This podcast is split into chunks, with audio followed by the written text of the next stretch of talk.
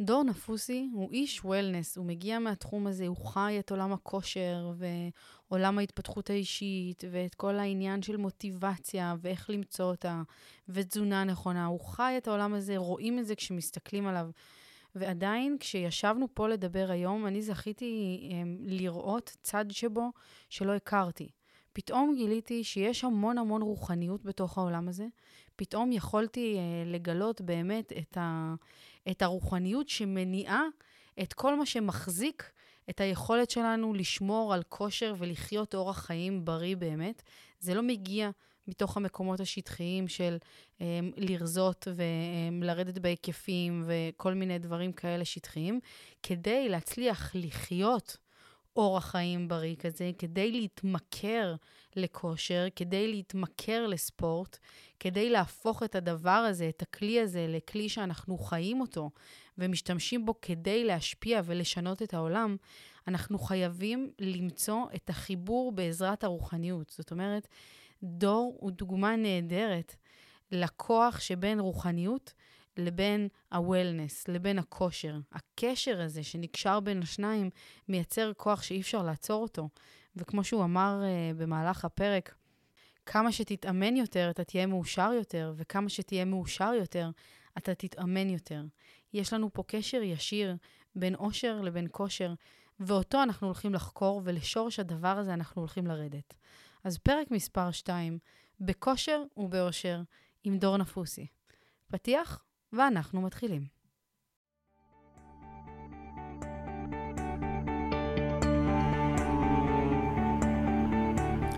ברוכות וברוכים הבאים לפודקאסט עלייתו של האושר. אני נועה זגורי, חוקרת שליחות וייעוד ומנגישה תוכן יהודי התפתחותי שמטרתו היא אחת, להאיר אותנו מהתרדמת. כאן אנחנו הולכים לדבר באמת נקייה ובלתי מתפשרת על שאלת השאלות שמעסיקה את הדור שלנו, דור המשיח. מהו עושר אמיתי? איך מגיעים אליו ואיך חיים אותו? אז קחו נשימה עמוקה.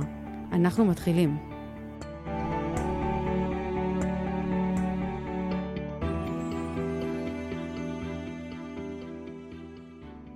היה לי קורונה, השטות הזאתי. זה עדיין פה. זה עדיין פה. מה שלום אחיך? וואי, חיים שלי. הוא בסדר, ברוך השם. אני, זה היה יום שישי, שבוע שעבר. אתם בטח ידעתם על זה מתי?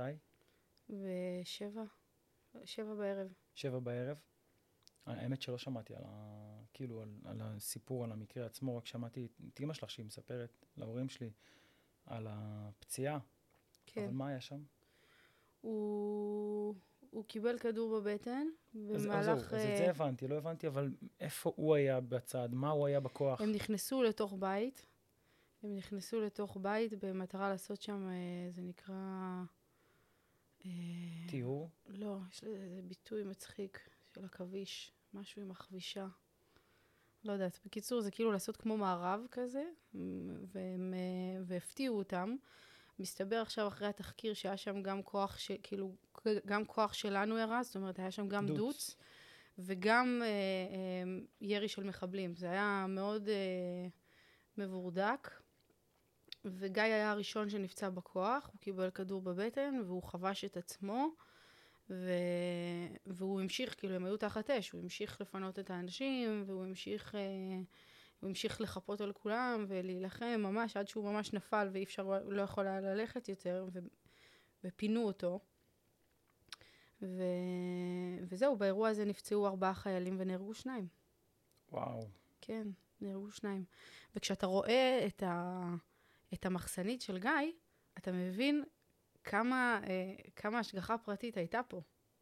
כאילו, בצולבת שלו, החבר'ה שלו שנשארו שם, שלחו לו מכתב, והם רשמו לו, אם תראה את הצולבת שלך, אתה תדע כמה השגחה פרטית הייתה עליך. כנראה מה שקרה זה שהכדור של הצלף פגע במחסנית שלו, ובגלל זה הכדור קיבל סטייה, כי הכדור נכנס לו מכאן ויצא לו מכאן. אין היגיון בעולם שזה קורה. כאילו, לו מבחינת זווית. שתי- יש לו שני... נכנס- ויצא. נכנס ויצא, לא נשאר לו הכדור בבטן. ומה קשור לצולבת? כי הכדור כאילו נכנס בצולבת וקיבל סטייה. הוא כאילו לא נכנס דוך, הוא קיבל סטייה והוא כאילו... כל, כל התנועה שלו השתנתה. וואלה, הבנת? איזה קטע. כן. הייתה לו צולבת במכנסיים והוא היה בהכנס במ- עם אה, מחסנית בפנים. זאת אומרת שהיה עליו תוספת פה, או שזה היה בעצם מחסנית בווסט? אז זה בדיוק אתמול, אה, שלשום הייתי אצלו, והוא אומר שהוא לא זוכר, כי זה נשמע איפה כאילו זה היה? שזה היה בווסט. כנראה. הוא לא זוכר, הוא לא זוכר מהרגע הזה. עד איפה הקרמי אבל מגיע לו? הוא לא מגיע עד הטבור? אה, אני לא יודעת להגיד.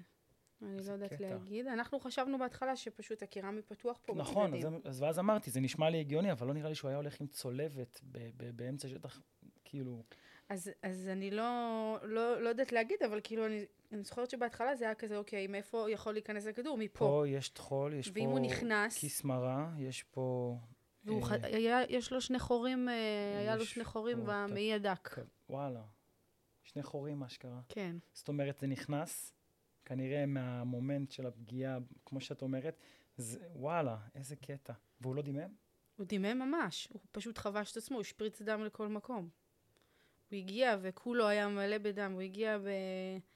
אה, בפינוי של מסוק, מסוק ל- וכן, לאן? לשיבא? לשיבא. התקשר לאבא? שלי. לא, ישר ל... לא לטראומה. ישר פשוט נכניסו אותו לניתוח. וואלה. ואבא שלך כבר היה שם בבית חולים? התקשר לאבא שלי, אחרי שאנחנו לא מדברים איתו כבר שלושה שבועות. יום שישי בערב, פתאום טלפון ממספר לא מוכר. אבא, מה קורה? גיא? מה קורה חיים שלי? הכל טוב? איך אתה? וזה? הוא אומר לו, ברוך השם, אני נפצעתי בקטנה. הוא ידע שהוא אבל בעזה? בטח, אנחנו כולנו פה בדריכות כל שנייה, אתה לא, יודע. לא דיברתם שלושה שבועות. לא דיברנו שלושה שבועות, כי מהרגע שהוא קיבל טלפון. הוא אמר, אני סוגר את הטלפון, אין כאילו... אה, אוקיי, חשבתי שלא דיברתם עם אבא בגלל לא, משהו לא, לא. אחר, שלושה שבועות. עם גיא לא דיברנו. גיא, סגור, כן. אבל עם אבא והכל אתם כאילו כן, כל הזמן בטח. בתקשורת. כן, כן, כל הזמן בתקשורת. אז הוא מבין שהשיחה הזאת זו לא שיחה שמגיעה סתם. כן, ברור, אבל אתה כאילו, אתה יודע, אתה, הוא מתקשר אליך לטלפון, אתה לא יודע, לשמוח או להיות בחרדה, וואו. מה הוא עושה עכשיו, כאילו. הוא גם לא רצה להתקשר, כי גם שבת, וגם הוא לא רצה להלחיץ וזה, אבל הקצינת נפגעים אמרה לו, אם אתה לא מתקשר, אנחנו דופקים להם בדלת. אם היה דופק לאמא שלי בדלת, העולם היה קורס באותו רגע. וואו, כן, וואו, איזה, סיפור, סיפור. איזה כיף שזה מאחורה, איזה כיף שהוא בה- בהחלמה. אני חושבת שהדבר הראשון שאני אמרתי, אני גם שומרת שבת עכשיו. כאילו שמעתי, לי... כאילו, מנוי סיפרה שהתחלתם קצת... אה, את רק או גם... אה, גם מיכו, וואלה, איזה יופי. כן. כאילו, מה לקחתם על עצמכם? אמ, זה ממש התחיל מהמלחמה, האמת. אני... אה, מהשבת הראשונה שכולם כן. ביקשו לשמור אותה? כן, אני מהשבת הראשונה חשבתי על, כאילו, שאני, עד שהאחים שלי יחזרו הביתה, כי שניהם היו. שניהם יצאו בשבת הראשונה שזה קרה, שניהם לקחו את הדברים שלהם והלכו. זה נורא דרמטי, נורא כזה, אתה יודע, הוא לוקח את הדברים וכולם, ולחץ וזה. אבל אני מאותה שבת החלטתי שאני שומרת שבת עד ששניהם חוזרים הביתה. ברוך השם, שניהם בבית, ואני עדיין שומרת שבת, אז כאילו, זה, זה מצחיק. לא, האמת שזה... אני חושב שיש איזושהי כניסה כזאתי, שהיא קורית בצורה חלקה, כשאתה במצבים כאלה. כאילו, בן אדם שלוקח על עצמו את השבת, עלול להרגיש עם עצמו, אני אוהב את זה, אני לא אוהב את זה, אני מקבל את זה, לא מקבל את זה, אבל כשזה קורה בתוך תבנית כזאתי של טראומה ומלחמה ומראות קשים, ואתה אומר, בואנה, היה פה נס, כאילו, יש פה סימן אלוהי, אני מרגיש חלק מהדבר הזה, אז זה, זה אחרת. כאילו, אני זוכר את השבתות הראשונות של רותם ואסף, זה... הם הרגישו קושי. את לא באת עם תחושה שיש קושי. כן. זה כבר היה לך כאילו מובן מאליו, הרגשת שאת שמה. זה יפה. האמת שזה הדרך, לדעתי, הכי, הכי נעימה, להתקרב לדת או להתקרב למסורת. אני חושבת שיש משהו בתשובה שנורא מלחיץ אותנו, הביטוי הזה, כי כל אחד מאיתנו יש לו אח חוזר בתשובה, יש לו מישהו שלקח את זה לאקסטרים, יש לו גם לא מעט אנחנו מקבלים על זה בתקשורת כל הזמן, ומשחירים אותם, וכאילו, זה הפך להיות איזה ביטוי כזה שמפחיד אנשים. עכשיו מישהי שאלה אותי, מה, את חוזרת בתשובה? ופתאום, כאילו, הביטוי הזה, מעולם לא יכולתי להגיד על עצמי. גם עכשיו שאני שומרת שבת כבר שלושה חודשים, קשה לי לבוא ולהגיד על עצמי, חוזרת בתשובה. וברגע שהנחתי רגע לכל ה... מה זה אומר, ומי עוד חוזר בתשובה, ובהשוואה אליי וכולי, אז הבנתי שבסך הכל מה שיש פה זה חזרה למקום שכנראה כבר הייתי אמורה להיות בו. כאילו, לא סתם זה נקרא חזרה בתשובה, לאן אתה חוזר? כן. אם אתה חוזר, סימן שהיית. וזה מרגיש טבעי, אתה מבין? זה מרגיש כאילו, זה מרגיש כאילו הטבע שלי הוא שמה, הטבע שלי מעבר לכל המחשבות ה... מה כיף לי, ממה אני רוצה עכשיו ליהנות, ואני ואני ואני ואני. במקור הטבעי שלי זה מרגיש נכון, זה מרגיש טוב, זה מרגיש מחובר, זה הופך את ה... הזמן הזה פתאום עם המשפחה שלך הוא פתאום אחר. בלי טלפון, בלי לנסות למלא את הזמן בלנסוע לכאן, לנסוע לשם, להספיק את זה, להספיק את זה. זהו, אתה, הילד שלך, הבן זוג שלך, ארוחות שכיף לכולם להיות בהן, זמן לקרוא, לדבר. לא, האמת ש... אבל... אה, אני חושב אבל שהייתה לך איזושהי זיקה, אפילו כמה שבועות לפני השביעי לאוקטובר. כן. זאת אומרת, שיעורי תורה וכאלה, אני זוכר שאימא סיפרה שיש לך איזה אה, רבנית. לא, אין לי רבנית, אבל אני התחלתי... אה, מישהי שעשתה לכם הפרשת חלה, 아, שהיא לא נכון. לא אהבה את מה ש... היה שם, אני, אני מחובר, כן? כן. אני, אה, שהיא פחות התחברה, ואז הייתה איזו שיחה בערב שולחן שישי עם אסף רותם. על הנושא הזה, אז אסף התעצבן. שמה? ש... על כל מיני דברים ששם אימא שלי הציגה, אבל שוב, זה אימא שלי הציגה. אז אני לא יודע לאן היא לקחה את זה כשהיא הציגה את זה. אה, אבל יש מלא זרמים, ויש מלא רעיונות, יש מלא כיוונים. בסוף אני חושב שגם אם אין לך רב או רבנית, אני חושב בסוף שאתה עושה השתדלות, ונראה לי שמה שאת מדברת עכשיו זה את לא, לא חוזרת בתשובה. את לא, לא קוראת, את אומרת, אני בהשתדלות. אני מבחינתי פותחת את העיניים ובודקת מה אני יכולה לקחת על עצמי. זה ממש עניין של התעוררות. אז זהו, אז יש כאלה שיגידו שזו ההתעוררות, ויש כאלה, כאילו, אני זה לוקח את זה לשני כיוונים. כאילו, יש התעוררות שמדבר עליה דור שמאי, אה, על תודעה בכמה רמות, ועל אה, מה שנקרא אה, level 3 ו-level 5 של התעוררות רוחנית. Mm-hmm. וכאילו יש הרבה שיח על זה, שאנשים שעשו תשובה אה, נמצאים כבר בתדר גבוה מאוד של קבלה ושל אה, הלימה בין החוויה הפיזית שלהם בתוך עצמם. עד כמו שאת אומרת, הרגשתי שאני במקום נוח לי. ואז כשאת אמרת את זה, אמרתי לעצמי, מעניין מה היה קורה אם לא היינו יודעים משהו אחר, והיינו חיים בדיוק כמו שאת אומרת. הרגשתי בבית, יכול להיות ששום דבר לא היה מרגיש שונה. מבינה? יכול להיות כן. שאם היינו באים מבית שכך או כך אה, שומרים בו מסורת ומצוות, נגיד כמו אצל אסף, שכל הילדים כבר במסגרות אה, דתיות וחינוך דתי. אמנם זה לא, את יודעת, אה, העדה החרדית או כיפה שחורה וכל מיני כאלה פלגים, אבל יש פה איזה רעיון. זאת אומרת, אפשר להגיד שהבנים שלו הם בישיבה. כן. אבל זו, זו לא ישיבה סגורה, mm-hmm.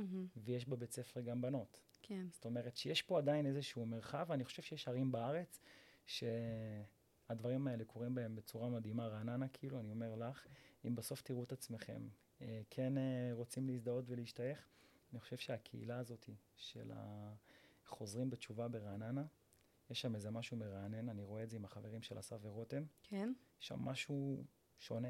זאת אומרת, אני כחילוני מתיישב וכיף לי לשבת, כי גם אם יש שיח ברמה מסוימת על דת, או על uh, מסורת, או על כיבוד הורים, או על כל דבר כזה או אחר, זה עדיין נשמע לא כמו, לא כמו אמירה כפייתית. זה כן. עדיין נשמע כמו איזה משהו אותנטי. ש... ממקום רוחני. יש שם רוחניות, וזה ההבדל בין להיות רוחני לבין להיות דתי, בעיניי. נכון. אני חושב שהדת, איתה יש לי בעיה, באופן אישי. אבל לא עם הממד הרוחני שהדת מביאה איתה. ו- ופה באמת אני כאילו שומע אותך, אני מתאר לעצמי שאם עשיתם את זה, את ומיכו ביחד, אז זה מגיע ממקום רוחני. זאת אומרת, נכון. משהו הרבה יותר עמוק מאשר uh, לשים כיסוי ראש או כיפה. אני מניח שזה משהו שהוספת על עצמך לאחרונה. זה פשוט בגלל ההחלקה. וואלה, כי רותם נגיד אסף ממש מפריע לו, שהיא יושבת בשולחן קידוש בלי שום בלי... דבר על הראש. וזה כאילו מבחינתו אלטרנטיבה. כן. אז חשבתי שגם את באלטרנטיבה. לא, עדיין... נשואה וילד. קודם כל, אני לא התחתנתי עדיין. לא, בסדר, עזבי. מדברת על כן. ברית קידושין. כן. אפשר לעשות את זה בכל שלב. נכון, נכון, אבל uh, מבחינת uh, חיצוניות, זה דברים, uh, כאילו, זה מצחיק, יותר קל לי לקחת על עצמי לשמור שבת. אני מרגישה שזה לא עניין של קל, כמו שזה מרגיש לי יותר uh, מדויק לי, מאשר עניין צניעות, למשל. או עניין של קעקועים, למשל. Mm-hmm. שאני חולה על קעקועים, ואני רק המחשבה... כי זו אומנות, ואת רואה שם משהו כן. אחר, וביטוי שלך. בדיוק. בוא נעלה את המזגן קצת קר פה. קר לך? פה זה השליטה? כן. יאללה.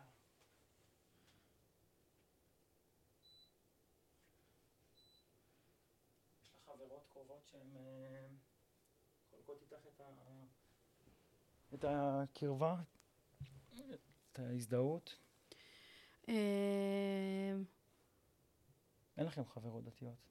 אין לי חברות דתיות, לא. וגם האמת, כאילו מבחינת חברים, אני לא חושבת, אין לי זוג חברים שאני מרגישה שנמצאים באותו אה, סטטוס כמונו, אתה יודע, שהם הורים כבר, שהם אה, בטח ובטח לא בראש שלנו מבחינת אה, רוחניות ודברים כאלה, אבל כן החברות שלי מהבית, יש, יש את הזיקה הזאת, היא קיימת. היא קיימת, אמ, אבל אני חושבת שכל אחת לוקחת את זה למקום אחר. באמת, אצלי זה מאוד מאוד התחיל מתוך מקום של, של כל הנושא הזה של שליחות. זה, זה העיסוק שלי. אני בהגדרה, אני חוקרת שליחות. וכשהתחלתי לחקור לעומק את הנושא הזה של מה באנו לעשות כאן, גיליתי שהתשובות הכי עמוקות והכי מדויקות נמצאות בתוך היהדות, נמצאות בתוך התורה, נמצאות בתוך הקבלה, נמצאות במקומות שחיפשתי בהמון מקומות, רק לא שם. הגעתי, יש לי פה ספרייה במשרד השני, מלאה מאלף ועד תף, בכל ספרי ההתפתחות שאתה יכול לדמיין לעצמך, של נזירים, של נוצרים, של כל העולם ואשתו. ודווקא לתוכן יהודי, משום מה לא נחשפתי ולא חשפתי את עצמי לאורך השנים, כי הייתה לי את הסלידה הזאת, כי גיא חוזר בתשובה הרבה שנים, כי דני אח של מיכו גם בתשובה, כי כאילו זה, זה, זה אומר משהו. זה כאילו מצביע עליך שמשהו. לקח לי המון זמן לשחרר את הדבר הזה, ולהבין שרוחניות, זה לא כמו שאמרת, זה לא, זה לא דת. סתם דוגמה, נגיד, אה, יצא לך לעיין בספרים, ספרונים של אה, ברסלב. כן. כי שם אני מוצא, אני באופן אישי, זה חלק מהספרים שלי, זה חלק מהספרייה שלי. Mm-hmm. כל ה, המקבול הזה של uh, ספר התורה, ויחד עם ה, um, המציאות עצמה, ועד, ואז פתאום הפרשנויות של למה בעצם נכתב התנ"ך, ובעצם עם מי הוא נכתב, ומה עומד מאחורי זה. ואנחנו סופרים שבוע, שבעה ימים, מה שפעם, את יודעת, בלברות העולם, זה היה שבעה ימים, אבל זה היה כמעט שבעה עידנים. Mm-hmm. כל יום היה עידן בעצם, שבו התרחש משהו, ואז פתאום אתה מסתכל על זה קצת ממקום אסטרולוגי, וקצת ממקום מיסטי, וקצת ממקום דתי, אז פתאום אתה רואה תמונה הרבה יותר גדולה, ואז אני חושב שאת צודקת, הקבלה מאפשרת. מי שפתוח למרחב הקבלה, נראה לי ששם יכול למצוא הרבה תשובות. זה התשובות פשוט הכי... יש עניין, כשאתה מחפש תשובה, כאילו בכללי, לכל שאלה שאתה שואל, יש עניין של אתה, אתה בפנים, אם אתה מחובר לעצמך, אתה יודע אם התשובה מספיק מדויקת או לא. אם היא מספקת. אם היא מספקת אותך, ואם היא, כאילו, אם אני מציירת את זה, זה כאילו, האם זה, האם זה מגיע לשיא? האם זה מרגיש לי כאילו, זה הכי גבוה, זה הכי זה. והמון פעמים, ב, כשחיפשתי את התשובות של שליחות, ומה באתי לעשות פה, ולמצוא משמעות לדברים, הגעתי לאיזשהו מימד של וואו, זה מגניב אותי, זה מגניב אותי, זה מגניב אותי, אבל זה רק מגניב אותי. אני לא מצליחה להוציא את זה הלכה למעשה לחיים עצמם. וזאת ההוכחה שלי לזה שזה לא המידע הכי עמוק. זה לא הכי גבוה, זה לא הכי מדויק. והיה ספר ששינה את החיים שלי, שנקרא "העולם לא יכול להתקיים בלעדיך", של משה שרון, שאם אני צריכה להגדיר אה, רב היום בחיים שלי, למרות שהוא לא רב, כן? אמ, זה הוא. יש לי אה, את כל הספרים שלו, והספר הזה, קניתי אותו לדעתי בסביבות ה-30 ומשהו עותקים, וחילקתי אותם לאנשים שאני אוהבת בכל מיני נקודות בדרך. כי הוא באמת הביא אותי למקום של סוף סוף להבין איך אני בכלל מתחילה למצוא את התשובות האלה. מה, יש סיבה שבאתי לפה, זה לא בראש שלי, זה שאני לא מוצאת סיפוק ממקום עבודה, מחיים מסוימים, זה, אני לא מטורפת. יש משהו יותר מדויק מזה שבעזרת כלים מסוימים ושלבים מסוימים אני אגיע אליו. ואני מצליחה לעשות את זה היום. מהמם. כן. איך קוראים לספר? העולם לא יכול להתקיים בלעדיך. זה נקודת מפנה מטורפת בחיים שלי, שאני מאחלת לכל אדם להיות מספיק פתוח בתודעה שלו, להיכנס למקום שכאילו מרתיע אותו מלכתחילה. של לבוא ולהגיד, לא, דת זה ככה, וכל המידע שמגיע הוא ככה. ברגע שאתה נשחרר את זה, וזו עבודה פנימית רצינית לשחרר את זה. מה זה אומר עליי? מה זה זה? זה אומר עליי שאני בן אדם שנמצא בתנועה. שאם אמרתי אתמול שזה אני לא אעשה, אבל היום אני מרגיש שהדבר הזה כן מדויק לי, אני לא אתעלה ב"אמרתי וככה ואני נתקע בזה ואני נשאר על זה", אני גדול יותר מזה.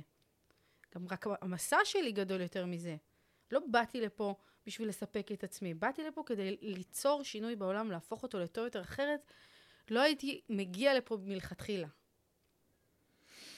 אין פה עניין של תענוג אישי ופרטי, בעיניי לפחות. לא, ברגע שאתה מבין שזה מקרי, החיבור בין ה... האני הזה שאת מדברת עליו לבין הגוף הזה שאת נמצאת בו, זה חיבור מקרי. זאת אומרת, כל עוד אני ברעיון של אה, לחפש, להיות מאושר, ולחפש להשיג דברים, ולעשות, ולהיות, ולחוות, אה, זה ממלא רק צד מאוד מאוד קטן בעצמי, שנקרא אגו, ולא ממלא שום דבר נוסף שלשמו הגעתי. וכשאתה אומר, אוקיי, מה אני מחפש? הרבה אנשים שאני ככה יושב, פוגש, שומע אותם, כולם מחפשים משהו. ויש כאלה שמחפשים תשובה. וזה הנושא שמבחינתי אותי מעניין. מה? כולנו יש לנו שאלות. אף אחד לא ממש אמיץ ללכת לחפש את התשובה. ואנחנו מחפשים תשובות בהרבה מקומות לא רלוונטיים, עם המידעים שאנחנו כבר יודעים. Mm-hmm. ברגע שאנחנו קצת יוצאים מאזור נוחות, וזה אהבתי לשמוע, אז אתה מחפש תשובות במקומות שלא חשבת ללכת אליהם. במקומות שלפעמים מרגישים קצת מפחידים, ולא מזוהים עם מי שאני, או עם האגו שלי. ובמקומות האלה אני חושב שלתשובה הזאת, אפשר לקרוא לזה אה, דת, אפשר לקרוא לזה אה, חיבור אה, לעצמי. אני פשוט, יש לי איזשהו, אה, יש לי בעיה, אני חושב, עם טייטלים. אני לא אוהב להיות נשוי ואני לא אוהב להיות גרוש. אני לא אוהב להיות חילוני ואני לא אוהב להיות דתי. אני חושב שאנחנו... ובכל זאת התחתנת, ובכל זאת התגרשת, בכל זאת יש לך את שני התארים האלה ברזומה שלך. כן, כי הייתי צריך לאסוף אותם, נטו. לצערי אני אומר את זה. הייתי צריך לאסוף את התארים האלה כדי להרגיש שאני חלק מאיזשהו אה, אינדיבידואל שחי פה בתוך ארגון. ואתה מסתכל על חברים שלך, וכולם, אחד אחרי השני, שולפים טבעת, עושים איזשהו מסלול, ואתה בצד מסתכל, רגע, זה הזמן שלי, זה לא הזמן שלי, זה האישה הנכונה, זאת לא האישה הנכונה, אני נמצא בחיים שלי בדיוק הנכון, אני לא נמצא בדיוק הנכון, אבל עושים את זה כולם, אז יאללה. מצטרף. אז אתה קופץ כמו איזה עיוור לתוך איזה מסלול, שלא בדקת אף פעם הוא בכלל רלוונטי. ואז אתה מלביש על עצמך כל מיני רעיונות של אחרים, ושל המשפחה, ושספגת מההורים, וחברים, ואז אתה אומר, אוקיי, התחתנתי. בשביל מה התחתנתי? יש פה איזושהי פעולה שצריכה לקרות, הרי למה מתחתנים? Mm-hmm. בעיניים שלי. ילד. אני רוצה ילד, התחתנו, בואו נעבוד בשביל להביא ילד.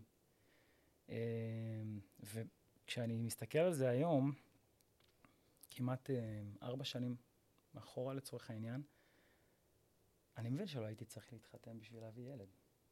אבל אז לא חשבתי ככה. כי הסתכלתי בבית, מה מקובל, הסתכלתי אצל החברים, הסתכלתי בבית שלהם, מה מקובל, ולא מצאתי איזה מישהו שהראה לי דרך אחרת. ובגלל זה את אמרת מקודם, אין לי רב, אין לי רבנית. אני חושב שהרעיון הזה לקרוא למישהו רב, גורו, אה, איזשהו, לשים את, ה, את הביטחון שלך במישהו שאולי יודע יותר ממך, זה גם כן מפחיד אותי. את מבינה? Mm-hmm. ללכת אחרי מישהו. אתה יודע, יש, אה, יש משפט שקראתי בספר, שאומר, בספר הזה. וואלה, כמה זמן עבר מאז שבעצם נחשפת לספר הזה לראשונה? ואז עד הרגע שקנית 30 עותקים. קודם כל, הסיפור שלי עם הספר הזוי, אין לי מושג איך הספר הגיע אליי. הספרים הכי טובים ככה. אין לי מושג איך הספר נחת בבית שלי. וישבתי עם שני ספרים, הספר הזה, ועוד ספר של הנזיר, או לא יודעת מי זה היה. שמכר את הפרארי שלו? משהו בסגנון, כאילו איזה ספר שהיה, שהיה לא יודעים, ותפסתי את שניהם, וזה היה כזה, מה, מה אני אתחיל לקרוא? רציתי להתחיל לקרוא ספר חדש, אמרתי, מה, מה אני אתחיל לקרוא? אמרתי, טוב, אני אפתח את הספר, מה שישאב אותי, ישאב אותי. ככה אני עושה. ככה אני עושה. אני לא מסתכל מאחורה, לא מסתכל כלום, אני מתחיל לקרוא. אגב, לפעמים אני פותח רנדומלית, סתם פרק, אם זורם לי אמצע ספר לקרוא, נשאב. אני נשאב, חוזר להתחלה. כן. זה, אני חושב, אגב, שתי ספרים מצאתי ברחוב, בשכונה שלנו. אחד, ספר של, ה, אה, של רבי מברסלב, איך מהמם. קוראים לו? נחמן. נחמן, הרבי. רבי נחמן מברסלב. מברסלב. רבי נחמן מלובביץ'. רבי. מלובביץ' זה רבי אחר. קיצור, איזה, לא, אני לא חזק ב, ב, ברבנים. קיצור, אה, יש לו שם בעצם כל מיני היגדים כאלה. ופתאום מצאתי שאין שום קשר בין זה שאומנם כתוב פה אה, אלוהים, לבין משהו אחר. ולאט לאט כשהתבגרתי, הסתכלתי על המונח הזה, אלוהים, והסתכלתי על עצמי, ולאט לאט זה התחבר יחד, והתחלתי לראות משהו אחד. מהמם. התחלתי לראות משהו וואו, זה אחד. מיוחד. ואז אמרתי, רגע, אז למה שאסף מתפלל ומברך אותנו? השם אלוהים פה הוא גאולת הכותרת. כן. והילדים באים לקבל ברכה, כי שם השם יהיה מעליהם. ואני אומר לנועם, בוא אבא יברך אותך. כי הילדים באים לאסף בשישים, נשקים לו את היד וכזה, כן. בוא אבא יברך אותך. ואני מרגיש שהברכה היא באותה עוצמה. כי יש פה כוונה מלאה, ואני מרגיש שהאלוהות, היא נמצאת פה. היא נכון. קיימת, היא שם. חיים שלי זה מרגש, זה אז. לאסף מפריע שאני רואה את זה ככה. כאילו, מי אתה? ואני אומר לו, אני אף אחד, אני שום דבר. באמת שאני כלום. אבל אני חושב שמהכלום הזה, שם נמצא אלוהים. כאילו, תנסה להסתכל על זה. איפה שאין שום דבר, איפה שאין, יש, יש, אין סוף. שם אני מרגיש שאני מביא לנועם ברכה, והברכה יוצאת כמעט כמוך. אולי בלי כל התוספות והמניירות של אה, יברכך וישימך ויצילך ו... ו... ו... ו... ו... ואברהם, יצחק ויעקב. אין את זה. אבל יש ברכה אותנטית של אהבה אמיתית, של משהו שהוא אחר, ואז אני אומר, אוקיי, בוא נסתכל על זה רגע. יכול להיות שבאמת אלוהים קיים בכל מקום? הוא קיים בכל אדם. יכול להיות שבאמת קשה לאחרים לקבל את זה, את הרעיון הזה? זה עניין של, אה, אתה יודע, אחד מהדברים שהיו מאוד מאוד מאתגרים לי עם גיא, זה שגיא היה כל הזמן צמוד להלכה. ויש הבדל, כן, גיא מאוד מזכיר את אסף, מאוד. אני רואה את זה. ויש הבדל, מתי נחשפתי להבדל הזה? דני, אח של מיכו, הוא חוזר בתשובה שהלך לזרם של אה, חסידות חב"ד. בחסידות, כל החסידויות, גם של רבי נחמן וגם של אה, אה, הרבי מלובביץ', הם מתעסקים יותר בתורת הנסתר, מתעסקים יותר ברוחניות, מתעסקים יותר בקבלה, כל, כל הדברים האלה. וכשאתה לומד את הקבלה, כשאתה לומד, יש ספר שנקרא עשרה נכנסו לפרדס, גם של משה, שהוא ממש מלמד בצורה פשוטה לאנשים שמעולם לא למדו קבלה, כזה נותן נגיעות. וכשאתה לומד חסידות, כשאתה לומד את, ה, את הרוחניות ולא את ההלכה, אז אתה מגלה שהתפיסה של אלוהים היא אחרת לגמרי. כאילו, במקום להסתכל על אלוהים כ... אישות. הוא, ולפחד ממנו, ולהיות כאילו, לחשוב שאני עושה את כל הדברים, כי אם אני לא אעשה, ומה יקרה, וכולי וכולי וכולי, וכאילו זו תפיסה אחת, והתפיסה השנייה אומרת שהקדוש ברוך הוא נמצא פה, והוא נמצא בכולנו, והמטרה שלנו היא פשוט לאפשר לו להיות כאן. לאפשר לו, יש, אה, זה- זה נאמר בצורה כזאת של... שהקדוש ברוך הוא רוצה שאנחנו אה, ניצור לו דירה בתחתונים, זאת אומרת בעולם, בעולמות, בעולם התחתון הזה של פה, לאפשר לו לגור בתוכנו. וכדי שבן אדם יאפשר לקדוש ברוך הוא להיכנס לחיים שלו, הוא צריך לה, להכין את הכלי. המון פעמים אנחנו מסתובבים בעולם, וזה טבעי, הרי נשמה יורדת לעולם, היא שוכחת את מה שהיא יודעת. זה המסע נכון. שאנחנו עוברים. והמסע של להתחבר בחזרה, זה המסע של להרחיב את הכלי. כשהכלי שלי יהיה רחב, הקדוש ברוך הוא יוכל לשכון בתוכי. וכשהוא ישכון בתוכי, אני לא אהיה עסוק בלפחד ממנו ולחשוב שרק זאת היא הדרך, ו... הוא פשוט צריך להיות נוכח בתוכי. והוא לא נמצא מעליי, הוא חלק ממני. אני מאוד מאמינה בתפיסה הזאת. עשיתי קעקוע לפני כמה שנים, שהיה קשה לי לעשות אותו, וואלה. כן. כי, כי כי המחשבה הראשונה שהייתה לי זה, זה מקום חשוף, אנשים יכולים לקרוא את הדבר, את הדבר הזה, ואיך זה יתפרש. כאילו, אני פירשתי בראש שלי, קעקוע רשום גאדס, כאילו אלה. והביטוי שלי למילה הזאת היא ממש זה, שאני הרגשתי שזה היה אחרי שילדתי את אדם, או ב... לפני, לפני, לא זוכרת איפשהו בתקופה הזאת, הרגשתי, הבנתי באיזושהי צורה, שכמו שאתה אומר, שהקדוש ברוך הוא נמצא בתוכי, שיש בתוכי חלק אלוקי. שאני פה כדי להמשיך את הבריאה, שאני בורט כל יום מחדש מציאות וחיים, ולכן הרגשתי ש... שהמילה הזאת, אלה, מייצגת משהו רחב יותר. ואני זוכרת שכאילו התקשיתי עם המחשבה של...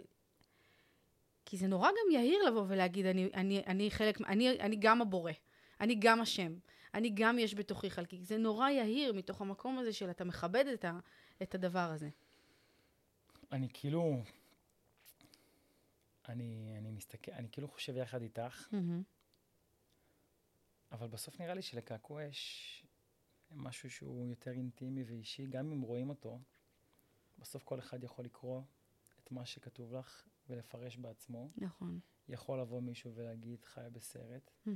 יכול לבוא מישהו ולהגיד, וואי, אני לא העזתי אף פעם, אבל רציתי קעקוע כמו שלך. ויכול לבוא מישהו ובכלל להגיד, אין לי מושג, מה כתבת? כן. כאילו, קעקוע. Um, אני רואה צורה גיאוגרפית עם uh, uh, אותיות שאני מכיר, אבל אין לי מושג מה הפרשנות של המילה. אבל זה, זה מעניין, כי דווקא חשבתי שתגידי, um, חשבתי על כל הרעיון הזה של הדת ולקעקע את עצמי ולהשחית את האור שלי ואת הגוף שלי, ואחר כך ל, לרעיון הזה שמישהו יצטרך לקלף ממני את אותם לא כתובות קעקע. לא באמת מקלפים, אתה יודע. צורבים אותם. לא, עושים עם זה כלום. שאלתי פעם במישהו שמתעסק ב... קבורה? כן. וואלה. שוטף גופות כזה? כן. אולי פעם היו עושים את זה, היום לא עושים את זה יותר. וואלה. תחשוב שעכשיו יש אנשים מקועקעים מכף רגע, אתה צריך לגלח את כולם. אז אני חושב שזה מה שהשתנה. כן. זה מה שהשתנה, כן. אבל אה, שוב, אז כאילו אני אומר לעצמי... אני מבינה את הנקודה שאתה חושב עליה, כאילו של למה זה מעניין אותי מה אנשים יגידו. כן, כזה. כן. אני חושבת ש... חלק מתהליך אה, בגרות שאני עושה בחיים שלי זה להפסיק להתכחש לדברים מסוימים, ופשוט uh, לתת להם, um, לתת להם להיות פה ולהבין שזה שהם פה זה עוזר, ואני מדברת עליהם, זה עוזר לי לשחרר אותם. זאת אומרת, פעם, בתור ילדה, היית יכול לשמוע אותי מדברת כל הזמן, והייתי ילדה פרועה. והייתי עושה הכל, ולא הייתי סופרת אף אחד כאילו. והייתי נורא עסוקה בלהגיד, לא מעניין אותי מה אתם אומרים. לא מעניין אותי מה אתם חושבים. לא מעניין אותי מה אימא שלי חושבת, ומה אבא שלי חושב, ומה האחים שלי, ומה העולם בחוץ. אבל אני חושבת שכשבן אדם עסוק בלספר לעצמו שלא אכפת לו, זה רק עושה שיהיה אכפת לו יותר. ועצם העובדה שאתה עושה קעקוע ואתה בעצמך, יש לך איזה חוסר, כאילו, אתה לא בטוח שהמסר הוא... אתה מרגיש מצד אחד שזה נכון, אבל מהצד השני אתה אומר, ואולי זה לא. אולי אני באמת יהירה שאני משווה את עצמי לקדוש ברוך הוא. ואז לא רק שאני ארגיש את זה, המחשבה שאנשים אחרים יחשבו שאני משווה את עצמי לקדוש ברוך הוא, היא מחשבה קשה. מאוד קשה, ויותר מזה, אם את תרצי אפילו לספק בעצמך את קמצוץ האלוהות שבך, ולבטא את זה החוצה, גם זה יכול להיתפס כרע. שכאילו את מביאה מעצמך משהו שהוא אה, רוחני גבוה, ואת מבדילה את עצמך מהיתר, כי יש בך מנוכחות או מנוכחות האל. אז כאילו אני אומר, גם זה יכול לקרות. אה, אני פוגש אנשים ואני יושב ואני עושה כל מיני טקסים וריטריטים ואני אוהב מאוד קקטוסים וסן פדרו ואני אוהב מאוד טקסים שמאנים ולפתוח את התודעה ולעלות. והרבה פעמים שאני נפגש עם חבר'ה כאלה, אה, אני מרגיש בנוכחות שלהם משהו שאני לא יודע אפילו לבטא, אבל הם מרגישים לי מעל בני האדם. מאיזה בלי, בחינה? בלי לדבר איתם, רק מלשמוע אותם מתפללים איזה תפילה, בלי אה, לדבר איתם בשיח, רק מלשמוע אותם אה, עומדים מעל מדורה ומעבירים איזשהו מסר. ואז אתה מרגיש, רגע, יש פה משהו אחר, יש פה משהו גדול יותר, יש פה משהו שגורם לי לרצות להיות או כמוהו, או להזדהות איתו. ואז אתה אומר, מה זה הדבר הזה שקורה פה עכשיו? מה יש בבחור הזה שמאפשר לי להרגיש ככה? ואז פה אני באמת חושב שכל אחד מאיתנו יש לו איזושהי רמה רוחנית כזו או אחרת. הרבה אנשים חושבים, הם בטוחים שהם רוחניים, מתרגלים, מדיטציות ועושים כל מיני תרגולים, ומאוד קשובים לעצמם, ויש להם קשיבות, ואם כבר דיברנו על עושר וכושר ועניינים, אז אפשר מפה ככה ממש אה, להיכנס לזה. אה, כי יש להיות מודע באיזושהי רמה תודעתית mm-hmm. כזו או אחרת, אה, ויש להיות אדם רוחני. זאת אומרת, אני יכול לחשוב שאני אדם רוחני ואני אדם מודע. אבל אני חושב שיש פה איזשהו פער להדליק תורת כשאני מתחיל שיעור יוגה. זה משהו טקסי. כן. בסדר? ולקחת קערה טיבטית ולעשות גונג שלוש או ארבע פעמים במהלך תרגול, יש פה משהו טקסי. Mm-hmm. אבל מצד שני, בואו ניכנס רגע למקומות אחרים. מה בעצם הקטורת הזו עושה במהלך השיעור? היא מכניסה את כולם לאיזושהי אנרגיה. יש פה איזשהו... אה, ניחוח שכולם כרגע מזוהים איתו, ממוקדים עליו. חושבים, מחשבה, נשימה, נשיפה, הריח הזה כבר נמצא בתוכי, ואז אני מוסיף על הריח הזה אלמנט של סאונד, קערה טיבטית עם הגונג, ואז אני יוצר תדר. כן. אני יוצר תדר אחד. אז יצרתי פה בעצם איזושהי מודעות כלשהי, mm-hmm. ולהכל מישהו מהצד יגיד, אה, זה רוחני מדי בשבילי, אני ויוגה לא. ואז אתה אומר, רגע, למה? כי בגלל שביוגה יש סממנים שמרגישים לך קצת מעולמות הטיבטים וקצת קצת מהמזרח. קצת היפים. ואיפי. איפים. זה בדיוק מה שקורה. אני לא יכולה לסבול את הקטורת, זה עושה לי סחרחורות, זה עושה לי... ופתאום הם מקדים את האנרגיה שלהם במהלך התרגול, במקום בטקס הזה, שכרגע יוצר איזשהו איזון, גם בתדרים וגם כולם כרגע מרגישים אותו הדבר. כן. כולם מריחים אותו הדבר, כולם, זאת אומרת, המנחה מבקש להשתמש בסמלים האלה, להכניס את הנשיפה, לקבל את הקטורת, לפלוט החוצה, גם אם אתם לא אוהבים את הריח, להתעלם מזה, מה זה שבכם לא אוהב את הריח, מה זה שבכם, כאילו, יש אנשים שקטורת יכולה לגרום להם לתחושה לא נעימה. Mm-hmm.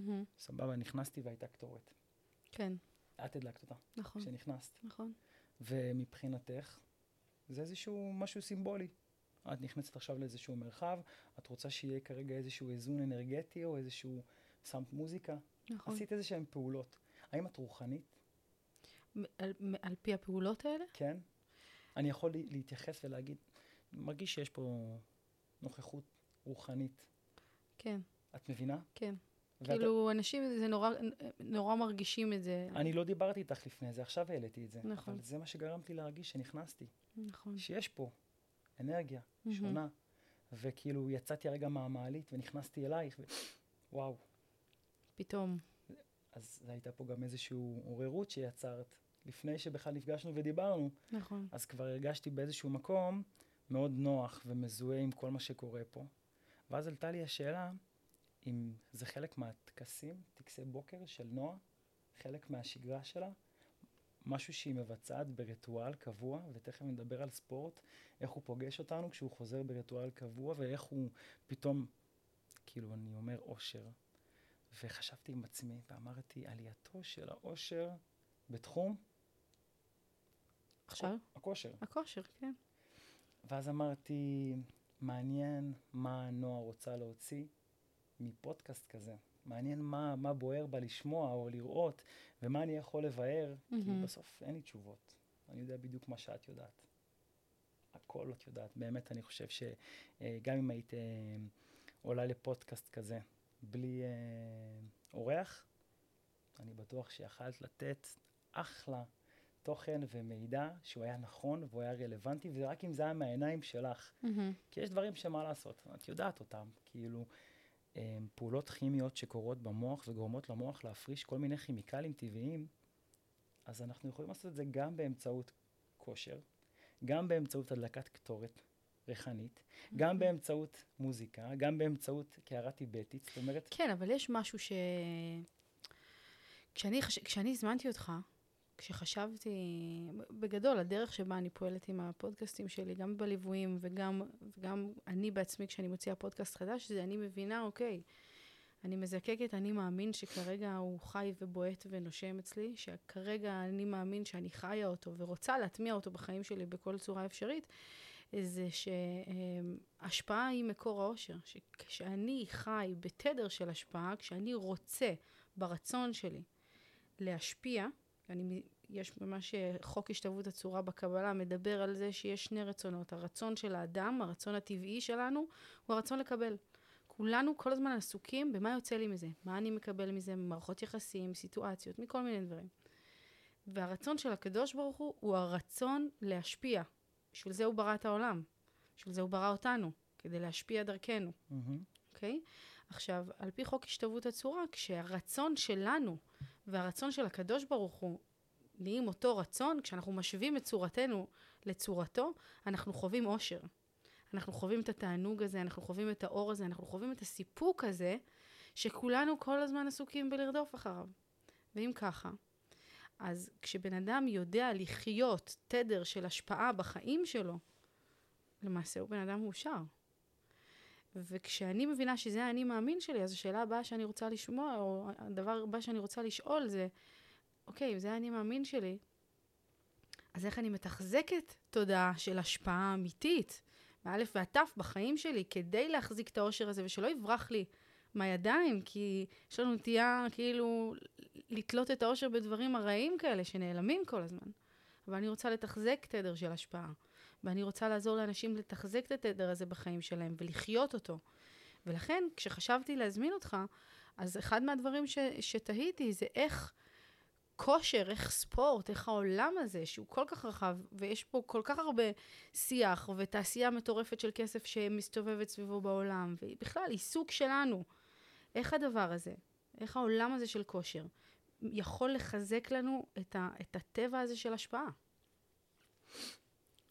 קודם כל, אנחנו יודעים ש...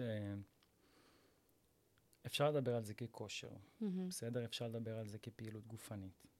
אפשר לדבר על זה כתרגול. אפשר לדבר על זה כמודעות. אפשר לדבר על זה כמאמץ. אפשר לדבר על זה בהמון מובנים. כן. כושר בעיניי זה איזשהו מונח כללי שמדבר על מגוון רחב מאוד של פעולות שמתנקזות כולן יחד לפעילות שמטיבה עם הכושר של האדם. Mm-hmm. יוגה, הליכה, ריצה, חדר כושר, שחייה, רכיבה על אופניים, משחק כדור. אפשר לקרוא להכל כושר. כן. כשאתה ילד אתה קורא לזה חוג. נכון. כשאתה מבוגר אתה קורא לזה אני עושה כושר. ואני חושב ש... אני אומר את זה בתור הורה, ואני אומר לך את זה בתור אימא, ונתחיל mm-hmm. משם, כי ככל שאנחנו ניחשף מוקדם יותר לתנועה, שימי לב מה אני אומר תנועה, לא דיברתי על כושר. ככל שניחשף מוקדם יותר לתנועה, נצליח לגייס בעצמנו יכולות חדשות, שמהן, מתוך היכולות האלה, נקבל כל מיני פרמטרים, שלאט לאט אני אסביר איך זה בסוף מתקשר לכושר. בואו נתחיל, לאושר, סליחה. בואו נתחיל מהדבר הבסיסי ביותר. יש לנו בעצם את המרחב הפיזיולוגי. סבבה? כל מה שקשור לפיזיולוגיה, לאנטומיה, והדברים הביולוגיים והתהליכים הפיזיולוגיים שקורים בכל אחד מאיתנו. Mm-hmm. נתחיל בתהליך הבסיסי ביותר, נשימה. כשאנחנו עושים פעילות גופנית, אנחנו בעצם מאלצים את מערכות הגוף שלנו לעבוד תחת איזשהו עומס. הריאות מתרחבות ומתכווצות בקצב מסוים. הלב מתכווץ ונרפא בקצב מסוים. זרימת הדם שלנו משתנה. פליטת הרעלים, כניסת החמצן, כל הדבר הזה קורה כשאנחנו בשגרה, אני ואת יושבים כאן עכשיו. Mm-hmm. אם אני אנטר עכשיו את הדופק שלך, את באזור ה-60-70 פעימות לדקה, כי את במנוחה. Okay. אוקיי. הלב שלך עובד בקצב קבוע וסדיר, הריאות שלך מתרחבות ועובדות בקצב קבוע וסדיר, ואת כרגע במצב נוחות. כל עוד אני נשאר במצב הסטטי הזה, הרבה כימיקלים שמופרשים מהמוח כרגע לא פעילים. ואז אני רוצה בעצם לחזור חזרה לילד הזה, כשדיברנו שאנחנו נוציא אותו לאיזושהי תנועה ופעילות גופנית, מה שיקרה, בממד הפיזיולוגי הרגע הסברתי לך מה עלול לקרות כשנוסיף כושר. Mm-hmm. בואו ניכנס לתחומים נוספים שבהם אה, הפעילות הגופנית תסייע לנו, ואז אנחנו מדברים פה על כל מה שקשור לדימוי עצמי. כן. שהוא, אה, לא, אני רואה את זה ואני מבין שמה לעשות, שאלתי אותך מקודם שאלה, למה לא נשים את המצלמה על שנינו? מהמם. ואת דיברת איתי על השיער שלך. נכון. ואז אני אמרתי, זה יושב על דימוי עצמי דור, אחר כך תבדוק את זה. ואז אמרתי, אוקיי, את מודעת לזה שלהוסיף כושר לחיים שלך ולשפר את התזונה שלך, יכול להועיל לך מבחינת דימוי עצמי והתחושה שלך כלפי העולם מהמם. החיצוני? כן. זה יקרה. אצל ילד זה משמעותי הרבה יותר, ותכף נבין למה, ועדיף שנדבר על ילד, כי אצלו אין שום מניירות. הכל נראה נורא נקי. זאת אומרת, אני לא רואה, כשאני מסתכל על ילד, אני לא רואה אותו עושה פעולויות כדי לגרום לעצמו להיות מאושר. אבל הפעולות האלה עושות גורמות, אותו, עושות אותו מאושר. ואני רואה את זה ממש, אם אני לוקח את נועם, הוא מבחינתי הדוגמה, אני עושה בו ניסויים, מה שנקרא, בלי להגיד שזה ניסוי אפילו. מהמם. אה, ואני רואה איך זה מסב אושר בחיים של ילד בן ארבע, ואז אני אומר, וואו, הרי זו אותה מערכת. זו אותה מערכת. זה קטע, הבאת פה נקודה שלא חשבתי עליה בכלל, שבתור אה, מבוגר, אנשים מבוגרים מחפשים את הפעולות שימלאו אותם באושר, וילדים עושים פעולות שפשוט באופן טבעי גורמות להם להיות מאושרים, הם לא מחפשים את האושר. הם מחפשים את הפעילות שתעניין אותם, ומתוך זה נוצר האושר וזהו. רק זה מה שאמרתי לך, אני לא יודע כלום יותר ממך. אני אבוא ואתן לך איזשהו משל אמיתי לחיים, ועם זה אנחנו נוכל להגיע לכל, לכל מקום שנרצה. אבל. המטרה שלי שתביני את בעצמך, קודם כל, את המקום הראשוני הזה. אמא שלך לא הייתה צריכה לשאול אותך, מה יעשה אותך מאושרת, אהבה שלי? מה יעשה אותך מאושרת יותר? לא. תני לי להיות מי שאני, אותה ילדה, שעושה ויש לה את המקום ואת הביטחון לעשות, אני אהיה מאושרת. ואז לקחתי את זה לפעילות גופנית, כי אז אמרתי, אני אחשוף את הילד בגיל צעיר לפעילות גופנית, אני אטמיע בו כבר כל מיני ערכים חדשים שהם קיימים בו. נולדנו ללכת, נולדנו לרוץ, נולדנו לקפוץ, נולדנו לעשות כל מיני משחקים, אם זה בחברה או לא בחברה, ותכף נרחיב את זה. אז דיברנו על הפן הפיזיולוגי, שזה בעצם רצף פעולות שהגוף צריך לעשות בזמן שגרה ובזמן פעילות גופנית. מהמם. ככל שהפעילות עצמה תהיה עצימה יותר, יקרו תהליכים מורכבים יותר, שהבנפיט שלהם, הסייד אפקט שלהם, יהיו הפרשה, כמו שאמרתי מקודם, של כל מיני הורמונים כימיקליים שמופרשים מהמוח, כמו דופמין, אנדורפינים, סרטונין, אה, אם עולה לך משהו וככה לא, לא קפץ לי אדרנלין. אה, ניגע, ב- ניגע ב- ב- בהורמונים האלה כי הם המובהקים, ואז אתה מוצא קשר ישיר בין הפרשה של סרטונין, שבעצם גורם לאיזושהי תחושה נורא כיפית של אהבה ואיי, מהמם. לבין פעולה של ריצה. כן. ואז הבן אדם יוצא לרוץ, ומקבל באופן מיידי בוסט מטורף של סרטונין לתוך הגוף שלו, ואז כל תחושות החרדה, כל תחושות הסטרס, הכל פשוט מתפוגג. דווקא זו דוגמה מעניינת מה שנתת פה, בגלל שכאילו הקשר הזה בין ריצה לבין אה, אושר, שממש כאילו ההורמון שכאילו יוצא מאיתנו בזמן ריצה, הוא באמת הורמון שהופך את אנשים למאושרים יותר. מצד שני, אני למשל, תגיד לי לרוץ עכשיו, אני נכנסת לדיכאון. סבל. זה לא, ההפך מאושר, זה דיכאון, זה למות. בכי. את רוצה, את, את מתייסרת על זה, עצם אז המחשבה. איזה מימד נוסף נכנס לנו פה כרגע? אוקיי, יפה. הישגיות. תוצאות? אנחנו בני אדם, אנחנו יצורים שפועלים ומונעים ממשהו. אני לא רוצה לקרוא לזה אגו. אבל כשאתה היום יוצא להליכה, מהמם. וכבר שלושה חודשים מבצע הליכה, והתחלת עם שלושה קילומטרים, חמישה קילומטרים, עשרה קילומטרים, ואז מישהו אומר לך, אולי תעשה מתוך ריצה, מתוך הליכה של עשרה קילומטרים, 500 מטר ריצה. ואתה אומר, מה? 500 מטר? אני לא מסוגל. אבל הרגע שאמרת את זה, אני לא מסוגל, יצרת לעצמך התניה בראש. מהמם. אני לא מסוגל. צד אחד במוח יגיד, אין דבר כזה, אתה לא מסוגל. צד אחד במוח יגיד, אתה צודק. אתה כולך שבור, ואתה מסכן, ואתה שמן, או רזה מדי, ורופס, וחלש. ואז פה מתאזן, אתה יצר התחרותי, ואותו יצר שאנחנו בסוף פועלים ממנו, אם זה בחיים האישיים, בזוגיות, בעסקים, בחינוך, בהכל. מהמם. יצר הישגי, יצר לתוצאות, יצר לשים את עצמך מול אתגרים. אני ארוץ 500 מטר. ואחרי שאני אזהה שה-500 מטר הראשונים היו קלים, אני אשים יעדים חדשים. כן. ואז בעצם אני חוזר חזרה אחורה. הבן אדם לא אוהב ספורט, הבן אדם לא סובל. לחשוב על עצמו מזיע. אני צריך עכשיו, באמצעות מישהו, לגרות אצלו כל מיני נוירונים במוח, כדי להוציא את החיה החוצה. ואיך אתה עושה את זה? אוקיי, אז פה באמת זה כבר תלוי בן אדם. בואו נדבר כרגע על נועה. מהמם. סבבה? כי דוגמה לי- מצוינת. כי יהיה לי מאוד נוח. לדבר עלייך, כי גם ההיכרות האישית, וגם כאילו אני יודע מה יכול להיות יושב שם, על, על, על מה זה יושב. מהמם. אז נועה, אם עכשיו אנחנו רוצים להתחיל באיזושהי פעילות גופנית, הדבר הראשון שאני צריך לזהות, וזה עוד מרחב, מה זה? עוד מרחב נוסף שאני רוצה לגעת בו, מהמם. כל מה שקשור לחיי חברה. אוקיי. יש היום סבירות שאנשים בתוך קבוצה פועלים שונה מאשר הם לבד. כן. קיבלו הוראה מהתזונאי שלהם, אני מבקש ממך לעשות שלוש פעמים בשבוע הליכה. אתה מוציא את הכלב? תעשה הליכה. הרעיון להוציא את הכלב נשמע טוב. אני חייב. ההליכה, פחות. כן. תגיד, הליכה לפארק כלבים נחשב? נחשב ככלב בטיול. לא, זה בדיוק הנקודה. את צריכה שמישהו או ידרבן אותך, או ידחוף אותך, או יהיה שם בשבילך בזמן שאתם עושים את הפעילות, כדי שלא תרגישי עם עצמך את כל תחושות שעלולות לצוף לך. מהמם. למה אני עושה את זה לעצמי? מה, אני משועממת? בא, בא, בא, בא, בא. ואז אני מוסיף את האלמנט החברתי. נתחיל בקטן. תגידי לחברה, אני יוצאת להליכה. רוצה להצטרף אליי? יצרת פה איזשהו שיתוף פעולה מהמם. עם אדם חיצוני, שהוא לא את, מהמם. ולשתיכם יש מטרה משותפת. כן. כבר השגנו איזשהו משהו בתחילת הדרך. מהמם. לנועה יש כיוון. כן. נועה מתחילה שלוש פעמים בשבוע ללכת, ויותר מזה, יש לה חברה שמצטרפת אליה, גם אם זה לא הכלב. מהמם.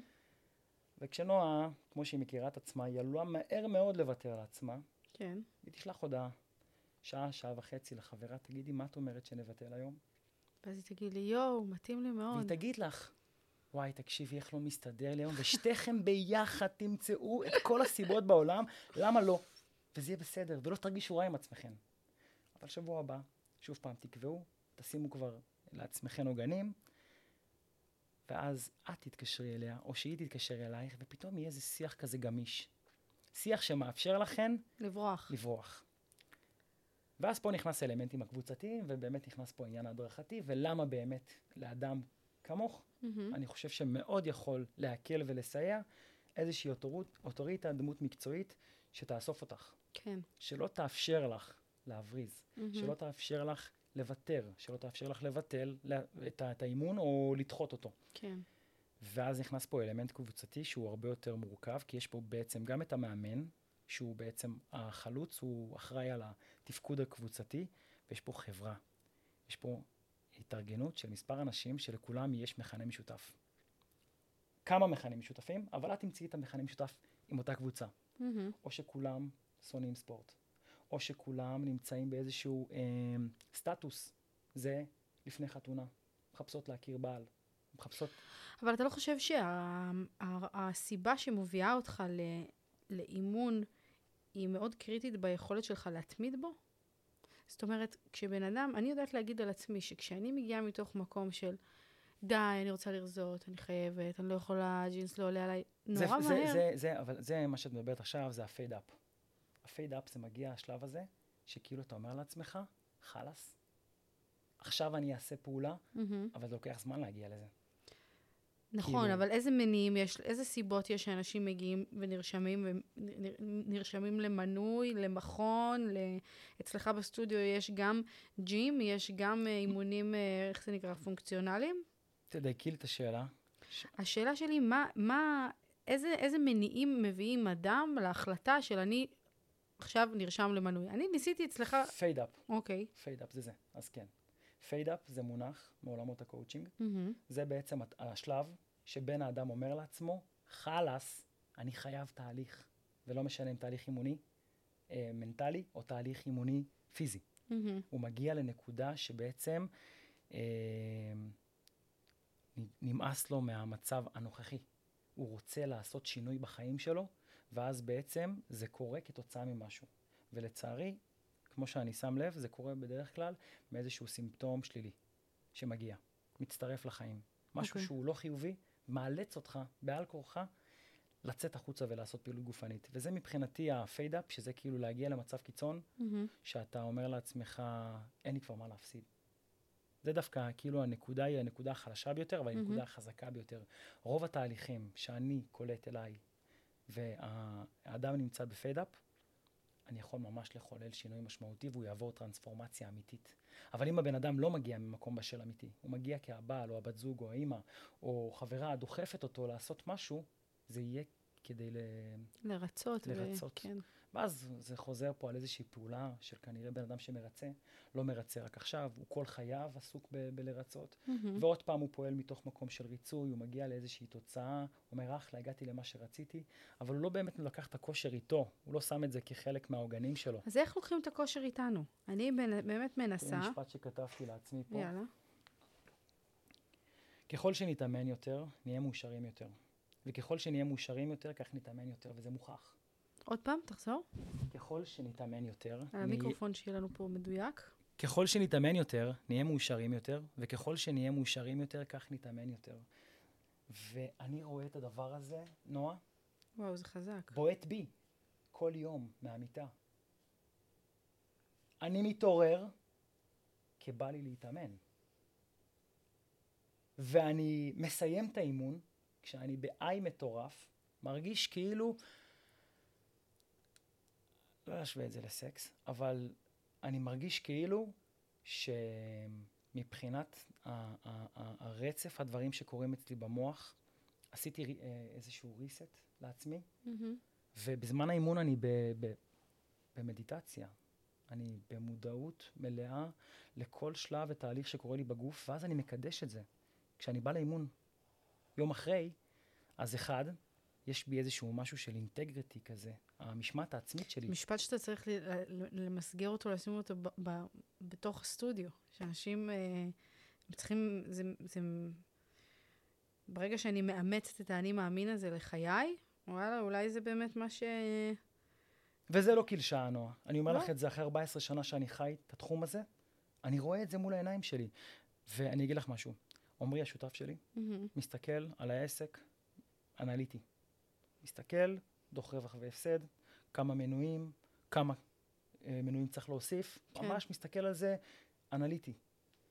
אני בעסק הזה מסתכל על הדברים בצורה שונה. אני מודד כמה אורח חיים יש ללקוחות שלי. מאיזה אני, בחינה? אני קיים שבע שנים מהמם. עם הסטודיו, ואני בודק בעצם מה אחוז הלקוחות שיש לי, מסך הלקוחות שנשארו איתי יותר משנה, שנתיים, שלוש, ארבע, חמש, ומה? שש.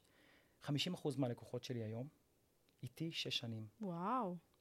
וכשאני שואל אותם, מה עשית לפני כן? אז אני שומע על הרבה ניסיונות. ואני מנסה כל הזמן לדייק, אחד, את האבטר, כי אני רוצה לקוחות כמו מיכאל שמש, דיברנו על זה. כן. אני מדייק את האבטר כל הזמן, כדי שזה הלקוח שנפגע בו. ואז אני קולט מה הלקוח הזה צריך ממני. אני מנסה להבין מה הוא צריך? זה משהו שחוזר על עצמו? אנשים בדיוק, צריכים... אני אוקיי. ממש מנתח את זה. ושוב, אני אומר לך, אני עושה את זה בצורה אחת. עמרי, אנליטי לחלוטין. עכשיו, כשאני מנסה לפגוש את עמרי, עם הצד הזה והצד הזה יש התנגשות. למה יש התנגשות? כי אני מחפש איכות ולא כמות. אני מחפש לעבוד על לקוחות איכותיים, שרצים איתי לטווח ארוך, שלא, שהפסיקו לחפש תוצאות, כן, שרוצים שגרה. עכשיו בוא ניגע, בוא, רוצה ננסה לזה פירוק לאחור בעצם? אוקיי. אז בואי נעשה לזה בעצם פירוק לאחור. את בעצם שואלת, איזה תחומים זיהית שיש באותם אנשים שהיכולת התמדה שלהם היא כל כך גדולה בעצם? מה, מה, מה, אתה יודע מה? בוא, נש... בוא נשאל את זה ככה. עכשיו אמרת לי על ה-50% מהלקוחות שלך שאיתך כבר שש שנים. ואמרת, אני מדייק כל הזמן את האבטר שלי ושואל מה הם צריכים, מה אני נותן להם. מה אתה נותן להם? שאלה טובה. שאלה טובה. אז בראש ובראשונה אני חושב שיש פה מעטפת, אוקיי. 360 מעלות. אה, שזה בעצם היכולת שלי לנטר אותם אחר הפעילות הגופנית שלהם, אה, הפעילות התזונתית שלהם והשגרת חיים שלהם. מה הערך שהם מקבלים מזה בסוף? מבחינתם, בסוף, אם תשאלי עכשיו את מיכל, למה את ממשיכה להגיע? מהמם. היא כבר תגיד לך שזה על אוטומט. זאת אומרת, אצלה, הצלחנו להפעיל במערכת שלה איזשהו אה, פקד, שמבחינתה יש אימון בשבע בבוקר, שלוש פעמים בשבוע, כבר כל כך הרבה שנים. אני, מבחינתי זה תפילה. מבחינתי זה לקום לפגישה, מבחינתי זה... לא קובעת כלום על זה שום לעולם. דבר לא יכול לקרות, זה דייט שלי עם עצמי. מהמם. וככל שאתה מתחיל לחבר את הדברים יותר באופן אישי אליך, למה אני עושה את זה? לעצמי. מה קורה בשעה הזאתי? אני עם עצמי. למה, למה טוב לי? ואתה מתחיל לשאול את השאלות. אני מתאר לעצמי שזה שאלות שהבן אדם שואל את עצמו. למה אני ממשיך לי לעשות את הדבר הזה? למה אני ממשיך להתעורר כל כך מוקדם בבוקר? למה אני ולמה אני ולמה אני? ובסוף, כשאני מסתכל על כל הלמה, התשובה היא אחת. אני שומר על איזשהו איזון, אני שומר על שגרת חיים, זה חלק מריטואל קבוע שאני חייבת לייצר בחיים שלי, אני מרגישה שאני אימא טובה יותר, אני מרגישה שאני אישה טובה יותר, אני מרגישה שאני הרבה יותר פרודקטיבית בעבודה, האיכות שינה שלי הרבה יותר טובה, אני מרגישה שאני הרבה יותר נינוחה, אם uh, סובבים אותי. רגע. כמה דקות? כן, חמש דקות. היית ממהרת? כמה דקות? וואי, לא שמתי לב בכלל לשעון. היא, הבאה? כן. יש לה מקליטה. אמ, אז אני אומר, בסוף זה הרבה דברים שאותו מתאמן חווה בחוויה שלו האישית. זאת אומרת, אם אנחנו ניקח רגע את הנושא הזה רק של אה, אה, נראות ותחושה פיזית, אז זה משחק קטן. חצי שנה, נועה, זה עובד. מהמם. את רואה תוצאות, את נהנית מול המראה, אולי המאמן לוקח לך היקפים, כיף, את רואה שינוי. מהמם. אבל את מגיעה לאיזשהו מקום שאת אומרת, אני לא רוצה לשנות כלום. כן. פה, בנקודה הזאת, זה נקרא set point. הנקודה שבה כביכול אני מגיע למיצוי, ועכשיו יש איזושהי רגרסיה, חזרה לאחור, וזה טבעי. מהמם. ופה, בנקודה הזאת, המטרה היא לאפשר למתאמן לקבל שנייה אחת עוד פעם את עצמו, לדייק את המטרות שלו. אוקיי, בוא נדבר על זה שנייה אחת, נועה. שלושה חודשים ראשונים, דיברנו על זה שמאוד חשוב לך להתחזק, מאוד חשוב לך לשפר את ההרגלי תזונה שלך, מאוד חשוב לך להטמיע הרגלים חדשים שהם יעבדו לטובתך. עשינו את זה. על הדרך, תראי מה קרה, איבדנו חמישה קילוגרם, ירדנו בהיקף המותן, נני ננה, את מרגישה טוב יותר, הצעתי לך לעשות בדיקות דם, וגם אמרת לי שבבדיקות דם הסוכרים השתפרו והטריגליצרידים, השומנים בדם, גם פחתו והרבה מדדים טובים. כן. ואז את אומרת לי, כן, אבל סבבה, אני צעירה, ולא מעניין אותי באמת את כל... אני רוצה בתוך החיים שלי שגרה. מהמם. מבחינתי היעד הבא שלנו זה לייצר שגרה חדשה. מה אנחנו צריכים לעשות בשביל זה ששלוש פעמים בשבוע, בשעה שבע בבוקר, את תגיעי להתאמן. ברמה האישית שלך, מה את צריכה שיקרה? אז תגידי לי, ללכת לישון בשעה מסוימת, לארגן את הילד לפני, לדאוג שמיכו יעשה את הדברים האלה והאלה, אבל אני צריכה שיהיה לי זמן סטרילי.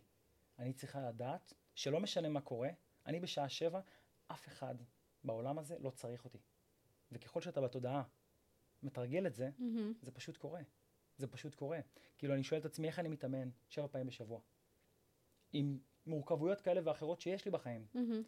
אני פשוט שמתי בסדר העדיפויות שלי כל מיני עוגנים, שכדי שדור יהיה אדם טוב יותר, כדי שדור יהיה אדם מוצלח יותר, כדי שדור יהיה אדם נינוח יותר, כדי שדור יוכל לחיות באיזה שהם חיים מסופקים, כדי שדור יוכל להיות אה, הבן זוג הראוי, כדי שדור יוכל להיות השותף הנכון, כל עוד המרחב הזה של כושר, של פעילות גופנית, של תנועה, נשאר חלק מהחזון שלי, הדברים האלה בהלימה.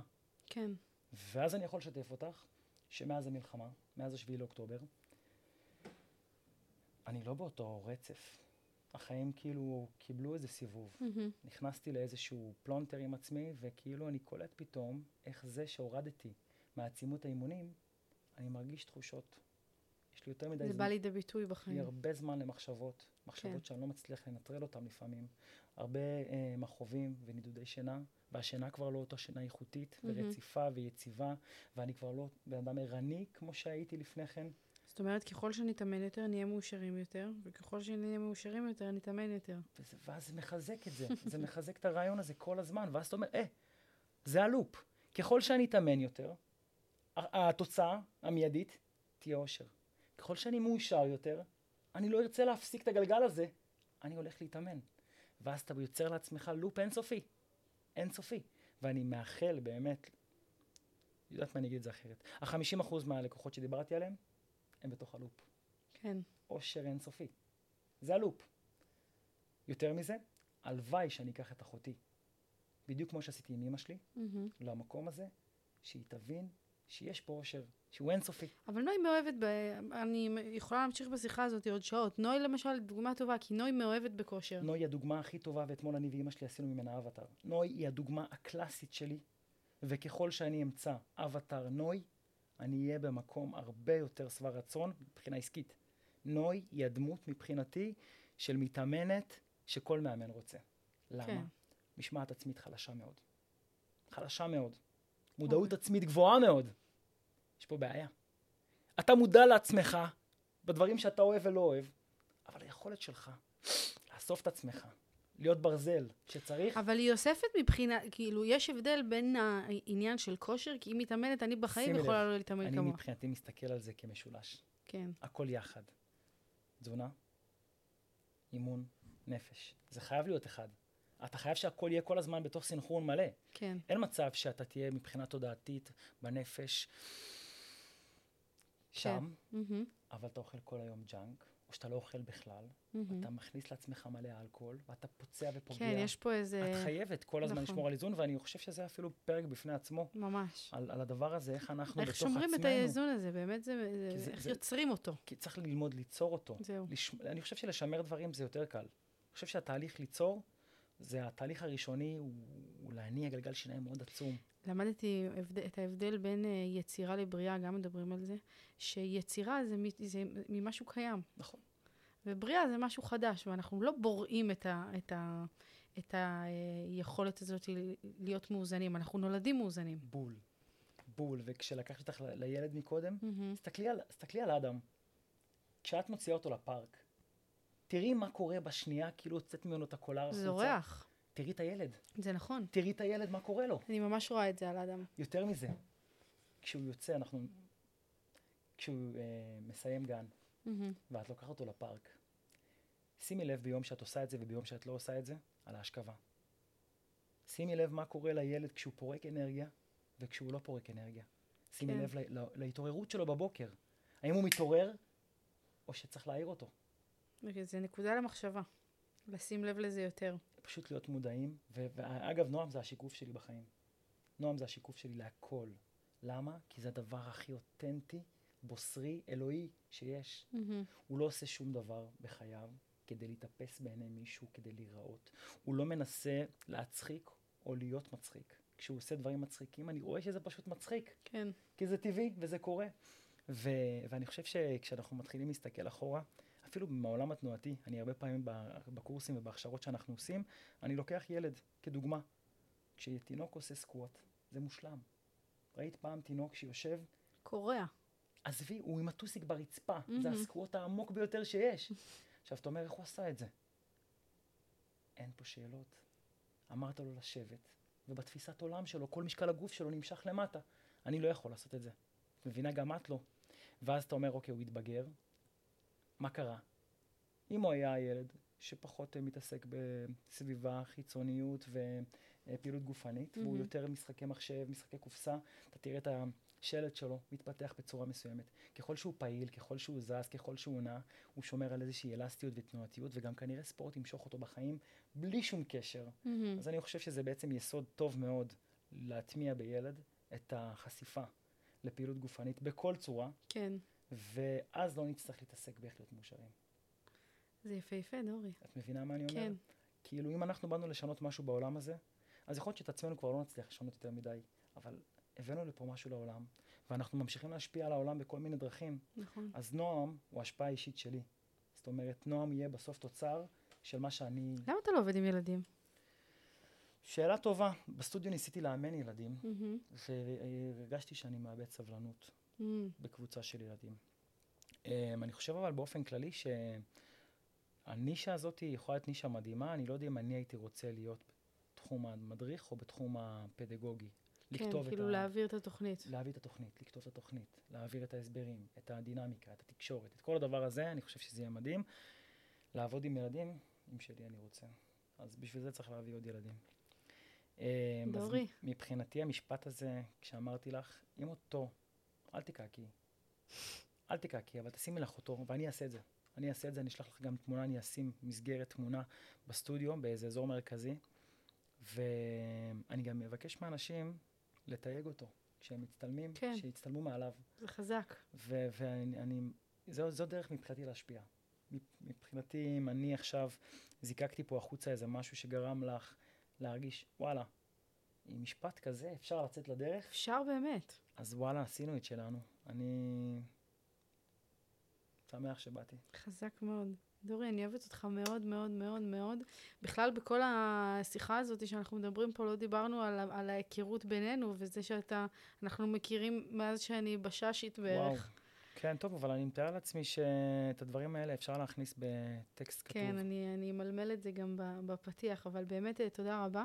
אני כן אגיד שתספר לנו בכמה מילים איפה אפשר למצוא אותך, ואיך אפשר, אה, אחרי ששמענו מי אתה, לקבל ממך יותר, אה, יותר לעומק. אז בגדול, אני דור, דור נפוסי, אני מראשון לציון, ואני בן 34, אני בעלים של מתחם אימונים בשם TRI.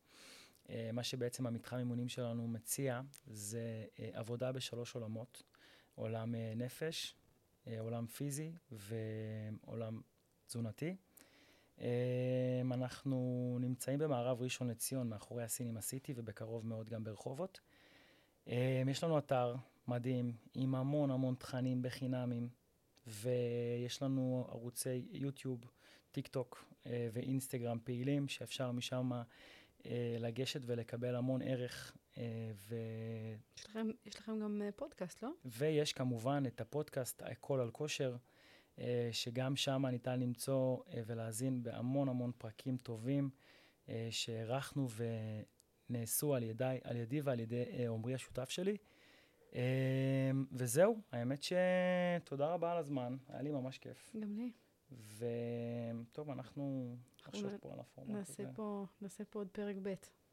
פרק ב'.